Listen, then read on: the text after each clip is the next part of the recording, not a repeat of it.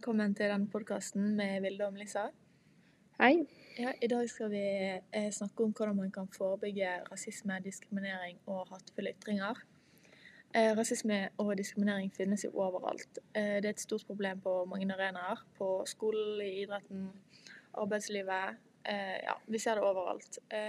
Og selv om vi lever, i et moderne samfunn, så er det fortsatt ikke slutt på dårlige holdninger og hatefulle ytringer. Eh, Når det kommer til dette temaet, så er Norge kommet ganske langt i forhold til mange andre land, men vi har likevel en lang vei å gå her òg. Ja, fordi vi trenger jo en endring som kan gjøre livet bedre, lettere og mer rettferdig for alle sammen, uavhengig av bakgrunn, tilhørighet og kjønn osv. Og for å få en endring i samfunnet, så må vi jo jobbe med holdningene våre. Men hvordan kan vi egentlig eh, klare å gjøre noe med dette, da? Og hvordan kan vi endre holdningene våre? Og det finnes mange tiltak som kan være med på å skape bedre holdninger, og det kan være økt kunnskap, åpenhet, lovendringer eller demonstrasjoner. Rasisme, diskriminering og hatefulle ytringer er jo begreper, begreper som er lett å blande, men som egentlig har ganske forskjellige betydninger. Eh, når det kommer til en hatefull ytring, så kan man si at eh, det er en ytring som nedverdiger en person eller en gruppe på grunnlag av rase, kjønn, etnisitet, nasjonalitet, seksuell legning osv. Eh, det kan f.eks. være å si at en person har liten hjerne eller ikke tenker eh, klokt pga. legningen sin. Ja, men hvis du derimot mener at denne personen ikke er like mye verdt som andre pga. legningen, så kan vi kalle det rasisme. Og rasisme er jo når man har oppfatninger, holdninger eller utfører handlinger som deler mennesker inn i raser, der man mener at noen er mer verdifulle enn andre. da. Eh, Men nå blir jo begrepet brukt veldig bredt. Altså, det er ikke bare eh, på forestillingen om mennesker også, men også når det gjelder utseende, kultur, religion og legning osv.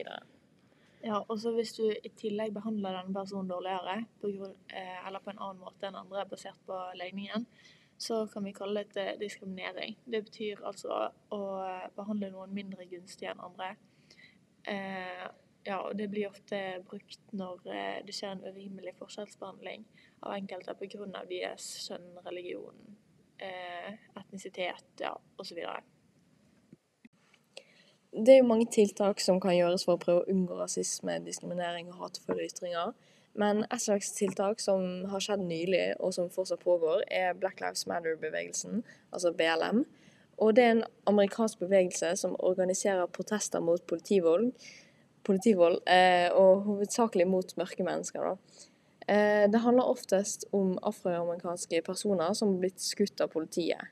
Og BLM er også forkjempere for at mørke amerikanere skal ha gratis skolegang og en generell basisinntekt. Gruppen ble vel etablert i 2013, men eh, etter George Floyds eh, død i USA i mai 2020, så spredte det seg protester over hele verden mot rasisme og politivold. Dette tiltaket førte jo til at hele verden fikk vite om hva som hadde skjedd, og som førte til at flere da tok tak i problemet. Eh, og til og med her i Norge hadde vi protester utenfor Stortinget i Oslo. Eh, fordi selv om vi var i en pandemi, så ville mange ha slutt på rasismen og diskrimineringen, og ofret seg sjøl til å kanskje bli smittet av korona. Eh, Jeg personlig liker dette tiltaket veldig godt, fordi bevegelsen har spredt seg såpass mye at flere personer faktisk har tatt det til seg og gjort noe med det. Eh, Vanligvis så føler jeg at man kan starte en bevegelse eller sette inn et tiltak som ikke blir tatt seriøst, og som ikke har ført til noe videre. Men BLM eh, er en seriøs og realistisk sak som ikke bare er rettet mot politivold mot mørke, men også generell rasisme og diskriminering. Men med hvert tiltak så kommer det jo selvfølgelig ulemper. Eh, og flere protester som har støttet BLM, har ført til vold og oppstyr. Eh, folk var jo rasende på det som hadde skjedd med Floyd, og det gikk hardt for seg i protestene. I tillegg så risikerte mange å bli smittet av korona når sykdommen var helt ny og vi ikke visste så mye. Eh, men likevel så samlet folk seg i protester. Eh, Dette kunne være et stort problem for helsevesenet, fordi det var høyt smittetall og de hadde mangel på helsepersonell i forhold til hvor mange syke det var. Eh, Så protestene var jo uansvarlige og i forhold til befolkningens helse, både pga. korona og pga. vold. Et annet problem er slagordet All Lives Matter, som kommer fra uttrykket Black, Lives Matter. Eh, her har det vært mye uenigheter i hva som er rett og galt. Og personer som har brukt All Lives Matter-uttrykket, har blitt mislikt av sterke protestanter for BLM.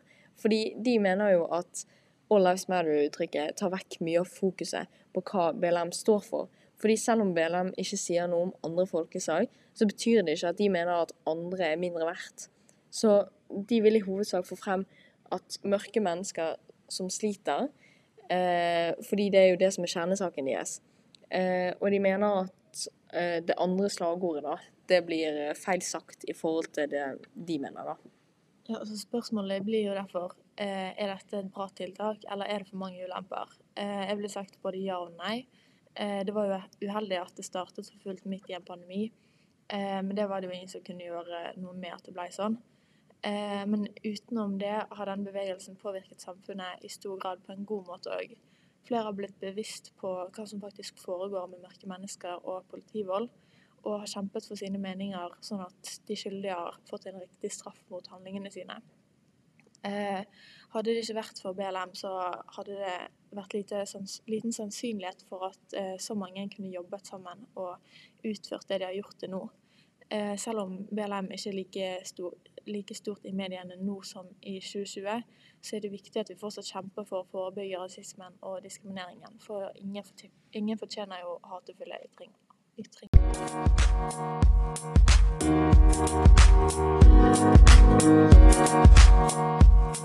Thank